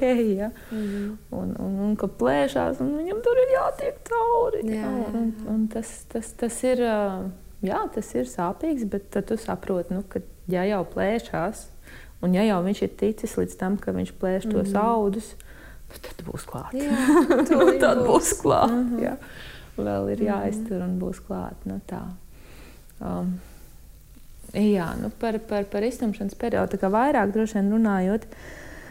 Um, te ir atkal droši vien jāsaprot, kādā pozā man tas mm -hmm. ir. Uh, jā, un ir forši. Un, un, un te ir tomēr stāsts. Mēs atkal nu, vienā brīdī droši vien atgriezīsimies pie vecmātes, bet ir stāsts par to, kādā pozā vecmāte ir gatava pieņemt dzemdības. Uh, Jo ļoti bieži ir tomēr dzemdību iestādēs tā, ka tev ir nu, uz to iztumšanu, gan tev ir jākāpj uz tā mhm. galda. Mm -hmm. un, mhm. jo, jo tas galds ir tomēr viņš ir paceļams, viņš ir nolaižams, mm -hmm. viņš ir mhm. vecmātei nu, negluži nu, stāvot, ja, bet vecmāte apsēžās un tad viņai ir acu augstumā. Jā. Ja, un, un, un tad viņai mm -hmm. ir vieglāk un ērtāk. Ja, no otras puses, protams, tā vecmāte tur dežūrē. Nu, ja viņa ir dežūrējuši vecmāte, viņa tur dežūrē 8 stundas. Es īsti nezinu, cik dzemdības viņa pieņem tajā savā dežūrā. Bet skaidrs, ka tas ir pietiekami liels skaits. Jā, jā. Un, ja viņai zem katras sievietes ir jārāpo četrāpus, es saprotu, ka viņai mm. tas ir grūti. Jā, bet atkal no otras puses, ja mēs apguļamies, iegurnis viņš tomēr ir. Sanāk, mums guļas pozīcijā, ka tam bērniem ir jānāk pišķiņu uz augšu. Mm -hmm. ja, viņam ir jāpārvar mm -hmm. ne tikai viss tas, kas viņam dabīgi ir jāpārvar, bet viņam arī gravitācija vēl ir mazliet jāpārvar, mm -hmm. dzimstot tā kā uz augšu. Wow. Ja, līdz ar to guļus pozīcija, nu, tāda priekš iztumšanas, ir visnepateicīgākā mm un vissarežģītākā. Un tāpēc arī bieži vien tas ir ilgāk, nu, ja mēs esam tādā guļošā pozīcijā. Atkal, ja mēs esam vertikālā pozīcijā, vai tupus, vai rāpus, vai nu, tomēr kaut kādā veidā, kas palīdz tam bērnam, nu, arī ar gravitāciju, ka mēs viņam palīdzam, ka viņš simst uz leju, nu, tad tas tomēr ir mazliet vieglāk. Mm -hmm. ja, arī, nu, Laikam teikšu tā, tādu rītīgu iztumšanas refleksu es pati sajūtu tikai ar trešo bērnu. Wow. Jā. Jo mm -hmm. nu, es jau, es jau pieminēju, ka man otrās dzemdības bija visgrūtākās pašai, un uh, viņas bija grūtāk, visgrūtākās tāpēc, ka dzemdas kakls bija vaļā, bet bērniņš nebija noslīdējis. Ja? Nu, arī, ja? Liekas, ka bērniņš ir augsts. Un ne tikai liekas, bet viņš tiešām arī ir augsts. Nu, nav viņam tā galva tur, kur viņam vajag, un īstenībā neviens nesaprot, kāpēc. Un, Um, un tad man palika, nu, no vienas puses, par to brīdi es esmu ļoti pateicīga, ka man bija tā sava vecmāte. Mm -hmm. Es nezinu, ko viņa tur darīja. Viņa kaut ko darīja, un tas bija sāpīgi, un tas Spieda bija nepatīkami. Nē, nu, tā kā vairāk mēģināja to bērniņu, saprotu, mm -hmm. iegrazīt, tomēr, lai viņš, bet ar rokām iegrozīt, mm -hmm. lai viņš jau ir tur, kur viņam jābūt. Um, un beigās man bija sajūta, ka mm, nevis es viņu piedzemdēju, bet viņš ir piedzemdināts. Wow, jā. Ja, un, un te mēs droši vien arī kaut kādā brīdī runāsim par pēcdzemdību emocijām. Ja? Tas ir tas, kas, kas pēcdzemdībās ir ļoti grūti. Ja? Kad nu, bāc, es to nevarēju, un man tas nesanāca. Mm -hmm. un, un, un kaut kāds tur ir pārlieciens, ja, kas ir līdzīgs pārlieciens, es domāju, arī ar ķēzergriezienu, un līdzīgs arī ar epidurālo anestēziju. Nu, kad, kad ir kaut kāds pārāvums, mm -hmm. ja, kad tev ir kaut kāds process, Tad ir kaut kas noticis tāds, kam nevajadzēja notikt. Mm. Nu, tā mhm. varbūt pēc tāda dabīgā, dabīgā un, un tad, nu, tad ir bērniņš. Ja? Mm. Tā kā kad mēs runājam par iztumšanu, par ja, kad, jā. kad, kad jā, tā, tādu rītīgu refleksu, kuram es, nu, es saprotu, ka tur es neko vairs nevaru izdarīt, ka tas ir tiešām. Nu, Nu, nu, līdzīgi, jā, kad ir nu, nef neforšs salīdzinājums, jā, bet kad ir caurēja, jā, vai, vai kad ir vēmšana, nu, tu tur nu, neko nevar izdarīt. Tev vienkārši nāk ārā mm. tas, kam ir jānāk. Jā. Mm -hmm. un, un līdzīgi arī ar iztumšanas refleksu. Tu, es gāju uz toleti, jo man likās, ka man vajag uz toleti, un tad es sapratu, vai nē. jā. jā, jā. Nu, tā, kad tu tiešām tu vairs nevari neko citu mm -hmm. darīt. Nevis tev vajag vecmāti, kur tev saka, spied. Jā. bet tev Jā. vienkārši nav variantu. Ja? Mm -hmm. nu, tā. bet, bet tas arī ir tas, ko nu, mm, bieži vien vecmātēm patīk. Un bieži vien arī mums liekas, ka nu, mums tā kā. Nu, nu, pasakiet, un tad es tā skaisti izspiedīšu. Mm -hmm. ja? Un ir. Vai ne? Nu, nesanāk tas nesanāk. tādā veidā. Ja? Tas tomēr nebūs mm -hmm. skaisti. Ja? -hmm. Tas ir tas, ko es nu, tomēr gribu sievietēm pateikt, ka tas nebūs skaisti, tas nebūs Jā. ar puķītēm, tas nebūs tā kā visās tajās bildēs rāda. Tas, tas ir darbs, tas ir grūts darbs. Jā, mēs nezinām, tā, mēs rokam zemi, jā, vai, vai tā, mēs mm. kaut ko tādu smagu fizisku darām. Nu, mēs droši vien neesam skaisti ar lūpu krāsu, ar vēl kaut ko tādu. Nu, tas tikai filmās tā ir. Jā. Jā, un atkal par filmām runājot, nu, tas nav tiešām tik ātri. Nu, mm. tas, tas tiešām nav tā, ka nepaspējas aizbraukt vai vēl kaut kā. Nu, ir, protams, arī tādi stāsti, bet tā pārsvarā tomēr tas tā nav. Mēs palikām pie tās uh, smukās kakāšanas. jo es tik spilgti atceros, ka nu, man sākās, un, un varbūt, ja tu izjūti ar trešo, es jau ar pirmo izjūtu, mm. nu, to nu, pilnīgi viss ķermenis es tā to izjūtu, ja, un es doktorai saku, man vajag stop, man vajag palielinu. Viņa saka, nē, nē, nē, tu dzemdē. Es saku, nē, man vajag, un nē, nē, nē tu dzemdē. Un, nu, es teikšu, kā ir, nu, tur jau arī, nu, noteikti iznāk kaut kas nevisai smuks, vai ne? nu, tā var gadīties, un tam uz to jābūt gatavai, un par to nevajag kautrēties, ne? Jā, tas ir absolūti normāli, tāpēc, Jā. ka, ja mēs iedomājamies, kā izskatās sievietei vēders mm -hmm. bez bērna, mm -hmm. ja, tur ir aknas, nieres, iekšējā orgāna, ir pilns ar zarnām. Mm -hmm. Un tad bērns paņem un viņš to visu izbīda. Nu, jā, zem, jā, jā. Tagad te būs mana vieta. jā, jā, jā. jā, un, un uh, ejot uh, dzemdību ceļos, jau dzimstot, uh, tur ir taisnā zarna. Jā, mm -hmm. Tā ir tā mhm. vieta, kur, uh, kur mums uzkrājās visas liekās vielas, pirms mēs viņus dabūjam no sevis ārā. Mm -hmm. Un, lai bērns tur varētu nu, viņš aizņem visu vietu, kas tur ir. Jā, jā. Viņš tur neatstāja vietu nekam vairs jā, citam. Jā. Jā. Un, lai viņš varētu piedzimt, viņam ir nu, viņš vienkārši fiziski izspiež ar savu galvu. Fiziski viņš izspiež ārā visu, kas tur ir līdz, nu, līdz pēdējai kripatiņai. Ja? Un, un mēs jau varam taisīt klīzmas, vai mēs varam vēl visu mm -hmm. kaut ko mhm, mhm. taisīt. Uh, pirms dzemdībām. Ja, nu, ja, nu, tas jā, ir ok, ja, jā. bet, bet tā vai tā tur būs kaut mm -hmm. kas, kas tur iztīrīsies mm -hmm. bērniņam dzimstot. Un, un, jā, ar to ir jārēķinās. Man liekas, visvairāk jau nu, man laikam, bija kauns tieši no doktoriem. Un pēc mm -hmm. tam es domāju, nu, kam on, nu, lai kurš doktors zina, kas ir normāli, kas nav normāli. Tā tālāk. Es domāju, ka tu kā dūle arī nebūtu pārsteigta kaut ko tādu piedzemdēt, vai ne? Nē, es no tā izdarīju savus secinājumus. jā, jā, jā. Es par to priecātos, mm -hmm. un, un es no tā izdarīju savus secinājumus. Nu, tas, kas ir, droši vien ir ļoti dažādi stāsti dzirdēti par to, kāda ir visādi komentāri. Ja? Mm -hmm. nu, mazāk gan par šīm lietām, no vairāk, ārstiem, jā, vairāk no tiem cilvēkiem, kas tur ir klāt. Nu, visbiežāk jau tās ir vecmātes. Bet, mm -hmm. Vairāk par tādām emocijām, par to, nu, ka mhm. nu, šitā jau nu, gan kliedz, vai, vai šitā jau gan nepiedzemdēs. Vai, jā, nu, jā. un, kā, un tagad tev pasaka, ka tu nepiedzemdēsi. Mm -hmm. jā, nu, tas, tas ir tas, ko tajā brīdī noteikti nevajag mm -hmm. sievietei teikt. Jā, un, un, nu, nu, tādas visādas teiksim, lietas, tāpēc jau, jau atkal mazliet pārlecot uz priekšu. Nu, ja man ir svarīgi, Ja, ja es mm -hmm. tomēr saprotu, ka ir kaut kāda komentāra vai kaut kādas situācijas, kas man var izsist no sliedēm, ja, nu tad, tad varbūt ir svarīgi saprast, tomēr, kas būs tas cilvēks, ar ko es tur būšu kopā. Jā, nu, ja, ja es spēju ielīst savā alā un pateikt visiem, ejiet, ka mhm. jūs tālāk, mm -hmm. ja, un nelikties nezinis par visu to, kas tur apkārt notiek, ja, tad, tad varbūt ir labi tā, kā ir. Ja. Nu, tas atkarīgs no mēs esam mm -hmm. katrs tik ļoti unikāls, un tā ir tā lieta, par kuru ir jāpadomā. Mm -hmm. nu, mhm. kā, es, kā es uzvedos teiksim, ja, tajā Jā. brīdī, ja, vai, vai spēju man izsist no līdzsvara kaut kāds neadekvāts komentārs vai nē. Mm -hmm. nu, piemēram, tā. Tu man atgādināji patiesībā tādu, eh, tādu manu, eh, kā man agrāk likās, nu, kāds būs dzemdības. Man bija tā sajūta, ka principā tu vienkārši tur dodies, tu kliedz un uh, vecmā darīs visu pro, to procesu. Bet tu principā vienkārši ļaujies jā, un klausies. -hmm. Un man tik ļoti patika. Es, nu, man gan nav bijušas tādas vecmātes, nu, ar kurām iepriekš vienojos un sarunāju, bet es vienmēr lūdzu Dievam, Dievs, tu noliks tur īsto cilvēku. Man bija paļāvības to, bet mēs arī par to vēl runāsim. Bet, jā, un es atbraucu, un pirmā lieta, ko viņa teica, tu zini, ka tev šodien liels darbiņš paveicams, un tu klausies manās norādēs, un mēs sadarbosimies, un, un tad mēs kopā to darbiņu izdarīsim. Mm -hmm. Un man tas pilnīgi tā likās, nu, nav tā, ka tu tur aizēji vienkārši bezjēgā kliedz no sāpēm. Ja tu ieklausies, tu spēj arī valdīt par savām emocijām, par savām tām sāpēm. Ja? Nu, noteikti, ka ir arī sievietes, kurām tas sāpju līmenis varbūt ir nereāli uh, zems vai augsts augsts, un viņas ļoti, mm. ļoti kliedz. Es neatceros, kā tur bija zemes augsts vai kā. Bet, uh, nu jā, kad, uh, tas varbūt, varbūt kādam tā šķiet, jā, kad es aizbraukšu un principā vecmāte visu mm. darīs. Nu, tā tas nav, vai ne? Zini, kā ir ar kliēkšanu. Arī kliegt mm. var dažādi. Jā. Ja? Un te ir tas, ko mēs jau iepriekš runājām par sasprindinājumu. Ja es kliedzu ar sasprindinājumu, Mm -hmm, mm -hmm. Es sasprindzinos, un Jā. tas man nepalīdz dzemdībām tieši pretēji. Mm -hmm.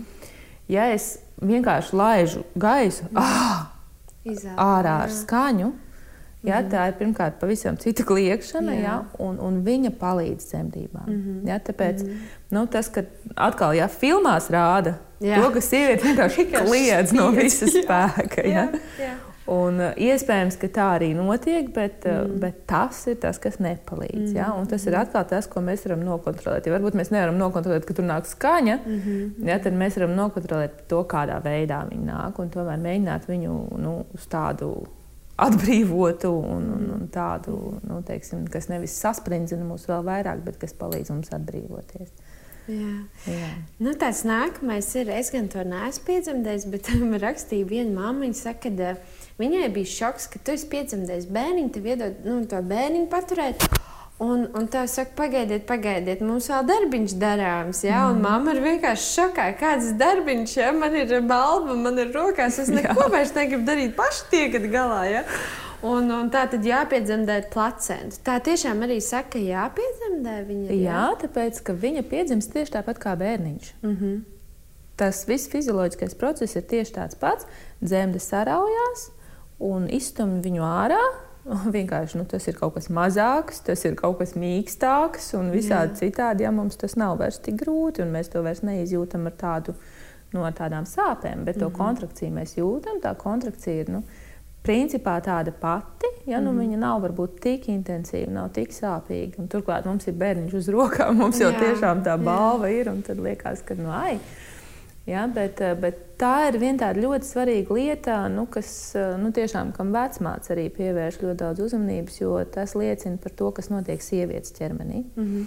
Jā, jo tad, kad bērniņš ir piedzimis, eh, pirmkārt viņam vēl turpina pulsēt nabas saite. Mm. Tas ir ļoti atkarīgs, cik ilgi tas ir ļoti atkarīgs no, nu, no, no katras individuālās situācijas. Jā, atkal, tas var būt desmit minūtes, tā var būt pat pusstunda. Mm -hmm. jā, bet tas ir tas periods, un mēs ar to. Ah, Jā, mēs par to runāsim. Mm -hmm. Mēs par to runāsim, varbūt mm -hmm. tad, mhm. tad, kad mēs runāsim par bērniņu, bet tas mm -hmm. ir mhm. tas periods, kurā placenta viņam iedod vēl skābekli. Mm -hmm. Un vēl asins. Jo kas notiek ar viņu mhm. dzemdībās? Viņš tiek saspiests nežēlīgi. Jā, ja, par jā, to ja mēs jā. runājam. Nu, viņa tiek arī nu, nu, izspiest kaut kāda -hmm. daļa asiņu ārā, ja, lai, nu, lai viņš būtu pēc iespējas maziņāks, wow, lai viņš tur jā. varētu tikt cauri.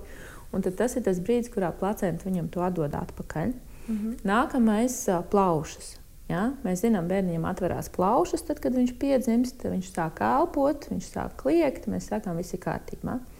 Kamēr placenta pulsē, mēs varam ļoti nesatraukties par to, ka bērniņš nekliedz. Ja? Tas var būt brīdis, mm. varbūt viņam, šim konkrētam manam bērniņam, ir vajadzīgs ilgāks laiks, lai atvērtos plaušas, ilgāks laiks, lai sāktu elpot. Yeah. Kamēr viņam placenta strādā, kamēr placenta dara savu darbu, viņam nekas slikts nenotiks. Ja? Mm. Viņš tāpat kā dzemdē, viņš dabūs kābekli, dabūs barības vielas, dabūs visu, ko viņam vajag caur šo placentu. Ja mēs viņu momentā pārgriežam, tas ir tas moments, kad bērnam ir jāsāk pašam, ir viņš gatavs vai nav. Wow. Ja? Jā. Un tāpēc tas ir tas, tas laiks, kas atkal ir sadarbība mammai ar bērnu, līdzīgi kā dzemdībās, tad, kad tas bērniņš būs gatavs. Ja? Kad viņam pietiks visas asinis, kad viņam pietiks visas imūnvielas, kad viņam pietiks skābekļi, kad viņš būs gatavs sadalīties no mm. mammas, tad faktiski tā placenta arī atdalīsies. Mm. Ja? Tas ir tas brīdis, kad viņa beidz pulsēt, Kāpēc viņa beidz pulsēt? Tāpēc, ka viņā beidzās asinsrite. Mm -hmm. Kāpēc viņā beidzās asinsrite? Tāpēc, ka viņa vairs nav piesaistījusies klāt pie dzemdas sieniņas, ja viņa ir nokritusi jā, no turienes. Ja, tas veids, kādā viņa nokrīt, nokrīt atkal fizioloģiski, ir tā pati kontrakcija. Mm -hmm. ja, placenta ir liela, viņa mm -hmm. ir piestiprinājusies, un tad tā sieniņa savākās, un placenta paliek tikpat liela. Ja, placenta jau mm -hmm. nesavākās. Un savākoties sieniņai, nu, viņa nokrīt vienkārši nost. Jā. Bet, uh, piedod, es esmu redzējis, ka nu, ir mammas, kuras izvēlās vēl ņemt to jaundzimušo uz mājām ar visu šo placentu, īpaši maisiņā ar sāli. Tu zini kaut ko tādu, ja? Tad vēl diezgan ilgi, bet tad jau tas bērns čāpo pats, un viņi vienkārši domā, ka nevis domā. Nepārgriežot viņu. Jā, jā, nepārgriežot jā, tā placentu. Tas, Nu, labi, mēs tur neiesim. Jo Zini, kā ir? Nu, mēs droši vien, ka, kas, mhm. -huh. kas esam piedzemdējuši, zinām, ka arī tad, kad nogriež, ja viņi jau jā. nenogriež pie pašas nabiņas, nu, ja viņi tāpatās tā nabas saita paliek. Un pēc tam, kad viņa nu, jau, jau sakaltusi, tad mm. viņa mhm. nokrīt. Ja, un tad mhm. paliek bērnam tā nabiņa. Līdz ar to es domāju, ka Neko jau briesmīgi pāri mēs viņam nenodaram. Es kā mamma domāju, ka tas ir šausmīgi neērti. Jā, es nesādu ne tikai bērnu, bet arī mm. placenta visu laiku. Jā, bet, eh, bet, nu, tas ir tāds, acīm redzot, mm, Dzīves, es neesmu iedziļinājusies ja tajā filozofijā. Iespējams, mm. tur ir kāda mm. ļoti dziļa filozofija apakšā. No vienas puses, nu jā. Nu, Dievs ir radījis, ka tā placenta atdalās varbūt pēc tik un tik dienām, mm. ko mēs tagad tur ar šķērēm maisamies iekšā. Mm. Varbūt tā, jā. bet. Nu, jā, jā. Jā, labi. Tā. Jā, bet, bet vēl par mm -hmm. placentu runājot, ja, tad, tad tas ir bijis viņa darbiņš sievietē, bet tur ir arī, arī darbiņš. Nu, es arī teiktu, ka vīram te ir, te ir vieta, kur mazliet pieslēgties. Tas slavenais čiks, ja? Uh, tas slavenais čiks, tā ir viena lieta, bet, bet arī tomēr palikt drusciņi koncentrētam uz sievieti, jo mm -hmm. viens no tādiem, nu, um, ja sieviete ir problēmas, es teikšu tā, mm -hmm. ja, dzemdībās, tad viņas visbiežāk ir saistīts ar asiņošanu. Mm -hmm. ja, un, un tas ir tas brīdis, ja, kad um, pirmkārt um, vecmāte būs tā, kas apskatīsies, vai placenta ir vesela, mm -hmm. ja, vai viņai nav kaut kādi gabali palikuši iekšā nokrituši, jo, ja paliek, teiksim, atdalās daļa no placentas, daļa paliek klāta, tad uh, tur ir ļoti liela iespēja asiņošanai. Mm -hmm. ja, tas ir tas, ko vecmāte pārbaudīs, kāpēc tas ir ļoti svarīgi. Ja? Un arī vīram skatīties uz savu sievu, tomēr, nu, vai, vai viņa pēkšņi nepaliek pilnīgi bāla. Jā. Jā, vai, vai kaut kas tam līdzīgs, nu, lai, lai tomēr nokontrolētu, ka ar viņu viss ir kārtībā. Mm -hmm. no tā. Vai sāpīga tēma?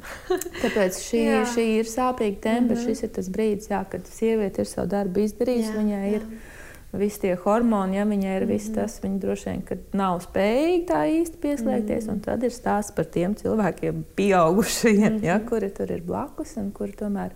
Jo, jo šis ir par sievietes stāsts. Ja. Bērniņš mm -hmm. ir mhm. piedzimis, viņam ir viss labi, bet mēs tagad arī skatāmies, lai sievietei viss būtu labi. Jā. Nu, nu, es atceros, es ar vīru biju sarunājusi. Es kaut kādā, kaut kādā mērā likās, man viss būs labi. Tu galvenais skaties, lai tā vecumā to bērnu nenomet.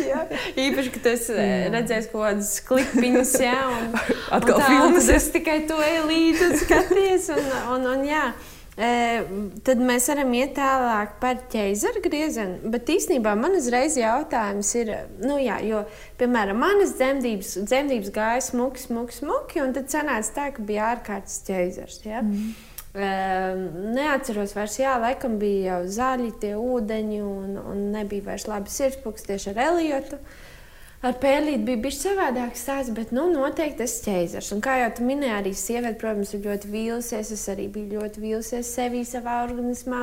Un bija jautājums, Dievs, kāpēc? Un, uh, bija arī nu, visādas tās sajūtas, visādi jautājumi tev ir īpaši, kamēr tev vada un tev turpinās tas iztumšanas periods. Bet man uzreiz tāds jautājums, jo man bija arī šā, šī lielā asiņošana. Tad uh, pēc ķēzara arī tas var būt, un tas ir ar to dzemdi saistīts, vai tas būs ar kaut ko citu? Droši vien tas nav jautājums mm. tev šajā gadījumā. uh, Bet... nu, asiņošana pret dzemdībām ir saistīta ar to, ka placenta ir bijusi piestiprinājusies pie dzemdes, mm -hmm. un tur ir. Uh, Faktiski, ja mēs izstieptu to -hmm. nu, tā mhm. izklātu, tie būtu trīs kvadrātmetri. Tātad tur ir trīs Jā. kvadrātmetri ar maziem, maziem asinsvadiņiem, mm -hmm. kuri visu laiku ir nodrošinājuši to, ka bērnam piekļūst viss tas, ko viņam vajag, un aiziet projām viss tas, ko viņam nevajag. Ja? Mm -hmm. Tas ir vēl viens cilvēks, tur ir izaudzis. Ja? Jā. Ar, ar visu to, viņam, kas viņam ir, jā, ar visiem viņa orgāniem, ar visu to, kas viņam ir nepieciešams. Mm -hmm. Ja? Un šie mazie asinsvadiņi, ja dzemdēji savākoties, viņi aizverās bet tomēr viņi turpina tīrīties. Ja, līdz ar to arī pēc ķēzara grieziena tas notiek, tāpēc ka arī tu esi iznēsājis bērniņu. Mm -hmm. Arī tev ir bijusi placenta, mm -hmm. arī šī placenta ir atdalījusies. Ja, turklāt tur atdalās arī nu, no dzemdas teiksim, tāds iekšējais slānis. Tur nav viss tikai asins, kas pēc tam nāk ārā. Mm. Um, nu, arī tas viss tev ir bijis. Ja, mm -hmm. Neatkarīgi no tā, kāds ir bijis tas dzemdību noslēgums. Tā kā, mm -hmm. jā, Um, nu, tas ir tas, kas, kas ir arī ķēzargrieziena mamām jāpiedzīvo. Mm -hmm. ja, nu, tad uh, par ķēzargriezienu mēs jau aizkadrā tā kā bišķiņ parunājām, kad uh, ir ķēzargrieziens, kas ir tāds ārkārtas ķēzargrieziens, bet ir mm. tāds arī ķēzargrieziens, ka mamma vienkārši pasaka, ka es negribu tam procesam iet cauri, vai iespējams arī savādāk ar veselības problēmām. Un, Un es noteikti netiesāju, es vienkārši tā mēs pieskarsimies tam. Tepat nav ko tiesāt, mm. manuprāt, tas vispār muļķīgi. Bet eh, tātad, kāda ir atšķirība tam, kad eh, nu, tas bērniņš pats ir sapratis, ja, kā jau tu saki, es esmu gatavs nākt ārā, un otrs ir 4. martā, 5. ierodaties, jā, un jūs bērniņš būs klāt. No vienas puses, es teikšu, tā skan labi. skan labi. Īpaši tām organizētajām mamām, ja, kas uztais manikīru, pedikīru, frizieru, make-up, jā, un tad aiziet uz uh, ķēzari. Jā, jā. Uh. Tas, kas ir um, mans jautājums par vispār atsāpināšanu mm -hmm. dzemdībās, mm -hmm. arī par epidurālu anestēziju. Um, pirmkārt, cik daudz no tā piedzīvo bērniņš. Mm -hmm. ja? Mums it kā saka, ka viņš sevišķi daudz no tās anestēzijas nedabū, tāpēc ka tā ir tā epidurālā un viņa ir tikai tur apakšdaļā un, un tā. Un man pašai ir tāds jautājums, nu, ja viņš neko no tā nedabū, yeah. tad viņš dabū rītīgas dzemdības. Mm -hmm. ja? Māmas tur vairs nav, un viņš paliek viens pats. Ja mēs runājam par epidurālo un par tādām mm -hmm. nu, vaginālām ah, dzemdībām. Mm -hmm. Ja? Un, eh, nu, no otras puses, tomēr novērojumi rāda, ka viņš ir bērniņš, tāds miegaināks, nu, salīdzinot, ja kas, teiksim, vecmāte strādā vai, vai redz ļoti daudzus bērniņus. Jā. Jā, viņš tomēr saka, ka viņš ir tāds miegaināks un tāds, tāds lēnāks nekā citi bērniņi. Varbūt tas ir viņa raksturs, bet nu, tomēr mm -hmm. liekas, ka tā mhm. anestēzija uz viņu arī kaut kādu iespēju atstāja. Ja, nu, tad, tad tas ir viens, ar ko droši vien ir jārēķinās, ka tas bērniņš ir piedzīvojis šo anestēziju nu, tādā kaut kādā savā veidā. Uh, nu, nākamais, jā, viņš nav izgājis cauri visam tam procesam, nu, kā, kā tas bija. Ja? Viena no tādām, atkal, manuprāt, absolūti brīnumainām lietām. Um, atkal jau stāstīšu, kā tas ir. Ja bērniņš dzimstot, viņš dzimst ar degunu pret mammas dupsi. Un tādā veidā viņš dabū visas tās baktērijas, kas ir viņam vajadzīgas, lai viņa gremošanas trakts spētu strādāt un pārstrādāt visu to barību, kādu mēs te patērējam. Tas skan briesmīgi. Ja? Viņš dabū no savas mammas tās baktērijas, kas viņai ir. Jo viņš mm. ir sterils. Bērns dzemdē ir sterils, jā. viņam nav nevienas baktērijas, bet mm. šeit, lai viņš varētu sākt dzīvot, ja, lai viņš varētu mm. sākt gremot un nu, eksistēt, mēs zinām, ka mēs esam pilni ar dažādām jā, baktērijām. Protams. Ja? Tas ir stāsts par to, ka uh, viņš dabū nevis kaut kādas mm -hmm. mistiskas baktērijas, ja? bet viņš dabū viņas tieši no savas mammas. Tas nozīmē tieši, nu, tieši atbilstoši tam, kādā vidē dzīvo viņa mamma un kādā mm. vidē viņam būs jādzīvo. Ja? Un, un ar kādu vidi viņam būs turpmāk jāsadzīvo. Mm -hmm. ja? Un arī tur man liekas, wow, nu, tāda, tāda milzīga gudrība. Un, Vai bērniņi tāpēc ir sliktāki, ja viņi to nav dabūjuši? Nu, protams, ka nē. Ja? Mm bet, bet nu, tā ir tāda, tāda vēl viena lieta, ja, kam, kam viņš nu, teiksim, tajā brīdī nav izgājis cauri. Tas, kas ķēzara mamām ļoti bieži, nu, visbiežāk ķēzara mammas ir tās, kuras saka, ka viņām vajadzīgs kaut kāds laiks, lai piedzimtu par mammu. Ja? Ka tomēr mm -hmm. tas mhm. brīdis, kad uzliek to bērniņu, jā, viņš ir ļoti emocionāls un tomēr. Nu, kamēr līdz galam tas tā saslēdzās, tur paiet kaut kāds laiciņš. Mm -hmm. ja? un, Un tad arī nu, tas jautājums, kāpēc nu, tur filmās rāda, ja vai visi stāsta, ka oh, un uzreiz mm -hmm. un ieraudzīju un iemīlējos un mīlestību mūža garumā. Ja, mums tur, nu, visādi skaistas bildes mm -hmm. mēs atkal internetā varam atrast par šo tēmu.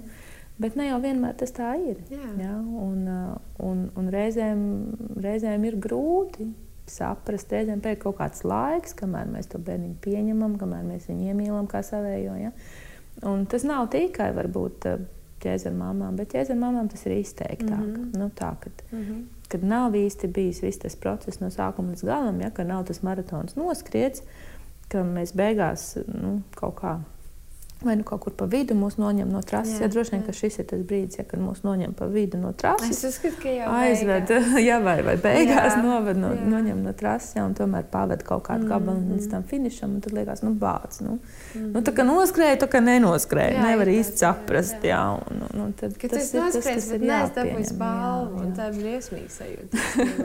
tā ir tiešām. Jā, un, eh, nu, zin kā, es teiktu, ka vien nevajag, nu, Nevajag par to nu, rakt sevi mm -hmm. tagad zemē no vienas puses, jā, bet no otras puses arī līdzīgi kā par spontānu abortu mēs runājam. Jā, vai, nu, nevajag teikt, ka tur nekā nebija. Jā. Jā? Nevajag mm. teikt, ka tas, nu, tas taču nekas. Galvenais, ka pats vesels un bērniņš vesels. Mm -hmm. Gudīgi sakot, man kā dūlē arī kādreiz, kad es vai kādai draudzes māsai uzrakstu, nu, es zinu, piedzimis bērniņš vai vēl kaut kā, nu, es jau pajautāju, nu, tur kā gāja un tā. Ai, visi veseli. Jā. Mm. Aizsargs, okay. tas kāds. Tas nozīmē, ka tur ir kaut jā, kas, par ko parunāt. Ja? Mm -hmm. Ir, protams, forši, ka visi ir veseli, mm -hmm. ja? bet, bet arī pieņemt to, ka nu, jā, nebija. Nu, kaut -hmm. kas ir tas, kas man ir jāizsēro, kaut kas mm -hmm. ir tas, kas man ir jāpārdzīvo, kaut kas ir tas, par ko man varbūt ir jāparaud. Ja? Par tām savām otrajām dzemdībām, ko es teicu, un es atceros to, to brīdi, ja mēs vēl bijām dzemdību namā, kad kad mēs abas izraudājām. Ja? Mm. Man tas bērns raudāja, un, un es raudāju, un kaut kā bija tā sajūta, bija tā pārliecība, ka mēs tomēr abas raudām par vienu un to pašu. Jā. Ja, un, un pēc tam man bija fantastisks bērns bez, bez tādām lielām raudāšanām. Kaut gan, nu, Par raudāšanu mēs parunāsim citreiz. Jā, bet mēs parunāsim, tāpēc, ka jā, es arī uzskatu, šits, es atceros, tas bija, tas bija arī tas vakars, kad es tev zvanīju, mm. nē, vai sūtīju ziņu, jā, jo es atvedu bērnu mājās, dzemdību namā viss ir labi, un viņa vienā raudāšanā, vienā raudāšanā, un tu man to uzrakstīji, un tas man kaut kā tā atbrīvoja. Un es sapratu, tāpēc viņai īstenībā bija tik smags arī tas mm. stāsts. Ja? Īpaši mana visa vilšanās, es tur biju, viss notiks, es piedzemdēšu, ja? un arī otra bērniņa man aizveda to ārkārtas jēzeru. Un, mm. un, jā, viņi to vienu naktī izraudāja, pēc tam, un patiesībā viņa mums ir tāds saules stariņš, ja? tāds mm. brīnums tiešām. Nu jā, tas ir tas stāsts jā. par to, vai mēs ļaujam, jā. Jā? vai mēs ļaujam, vai mēs spējam būt blakus. Mm -hmm, mm -hmm. Un, uh, nu, te, te man kaut kā uzreiz gribās atkal pie tiem tētiem, un, uh, un kad reizēm nu, sievietes saka, nu, tu jau tur te, nu, nu, ko tad tu saproti no mm. dzemdībām, jā, vai vēl jā. kaut kā, un ko tad tu tur būs klāt. Un, uh, un tas ir tas, ko es gribu tomēr arī, lai mēs visi padomājam, īpaši mēs sievietes par mm -hmm. to mhm. padomājam, kā arī tam tētim, jā, vai vīram, nu, šajā gadījumā tomēr runa ir vairāk par vīru un sievu, jā. Jā, viņam redzēt, ka sieviete, kuru viņš mīl, kura viņam ir dārga, ja, viņai ir grūti, ka viņai sāp, nu, tad es iedomājos uzreiz, nu, ja es redzu, ka manam bērnam sāp. Es labāk simts reizes paņemšu tās sāpes uz sevi, nekā ļaušu viņam, ka viņam sāp. Un tas ir ļoti grūti būt blakus, tad, kad tu esi, nu, tā, otram sāp cilvēku, kur tu mīli jau, un mm. tu neko tur nevar izdarīt. Mm. Ja, tā kā, nu, tā kā arī viņš tajā visā ir. Un, Jā. Tas ir jārespektē un droši vien tā jāapzinās. Jā, mēs ar Ingūnu sēžam studijā. Mums pašām tik interesanti, man liekas, un paši arī ielicam savā atmiņā. Ir tik daudz ko vēl teikt, un mēs saprotam, ka jau ir krietni pāris stundē raidījums. Bet par cik mēs esam vienojušies, ka mēs turpinām šādas, šo tēmu, šīs sarunas par, par dzemdībām, par uh, Un vēl jau uz priekšu tur ir tik daudz, kas par ko runāt. Par atbalstu komandu, esot dzemdību namā, pēc tam esot mājās, zīdīšana. Tas jau vispār cits stāsts, vai ne? Tas būs atsevišķs. Jā, tas stāsts, nozīmē, jā. ka mēs tiekamies nākamajā raidījumā, jā, Inga? Nu, es esmu ļoti priecīga, ka es varu par to parunāt. Jā, brīnišķīgi, tā, tā ir. Ļoti mīļa tēma. Un, jā. Super. Un es būšu ļoti priecīga, ja es varēšu kādai mammai palīdzēt. Jā, un māmas, es gribu tiešām iedrošināt jūs rakstīt komentārus, jo arī Inga ir mm -hmm. forši, man liekas, palasīt un saprast. Tāpat rakstam jautājumus, ieteikumus. Un īpaši tiešām jautājums, kas jūs interesē, vai varbūt, kā es šodien rakstīju, kas jūs šokēja pašas jūsu dzemdībās un kas Jā. varētu palīdzēt jaunajām mamām, kas vēl dodas uz dzemdībām. Jā, ar kaut ko rēķināties un sagatavoties. Jā, tā kā paldies, un tad jau tiekamies nākamajā epizodē. Atā! Paldies! Atā.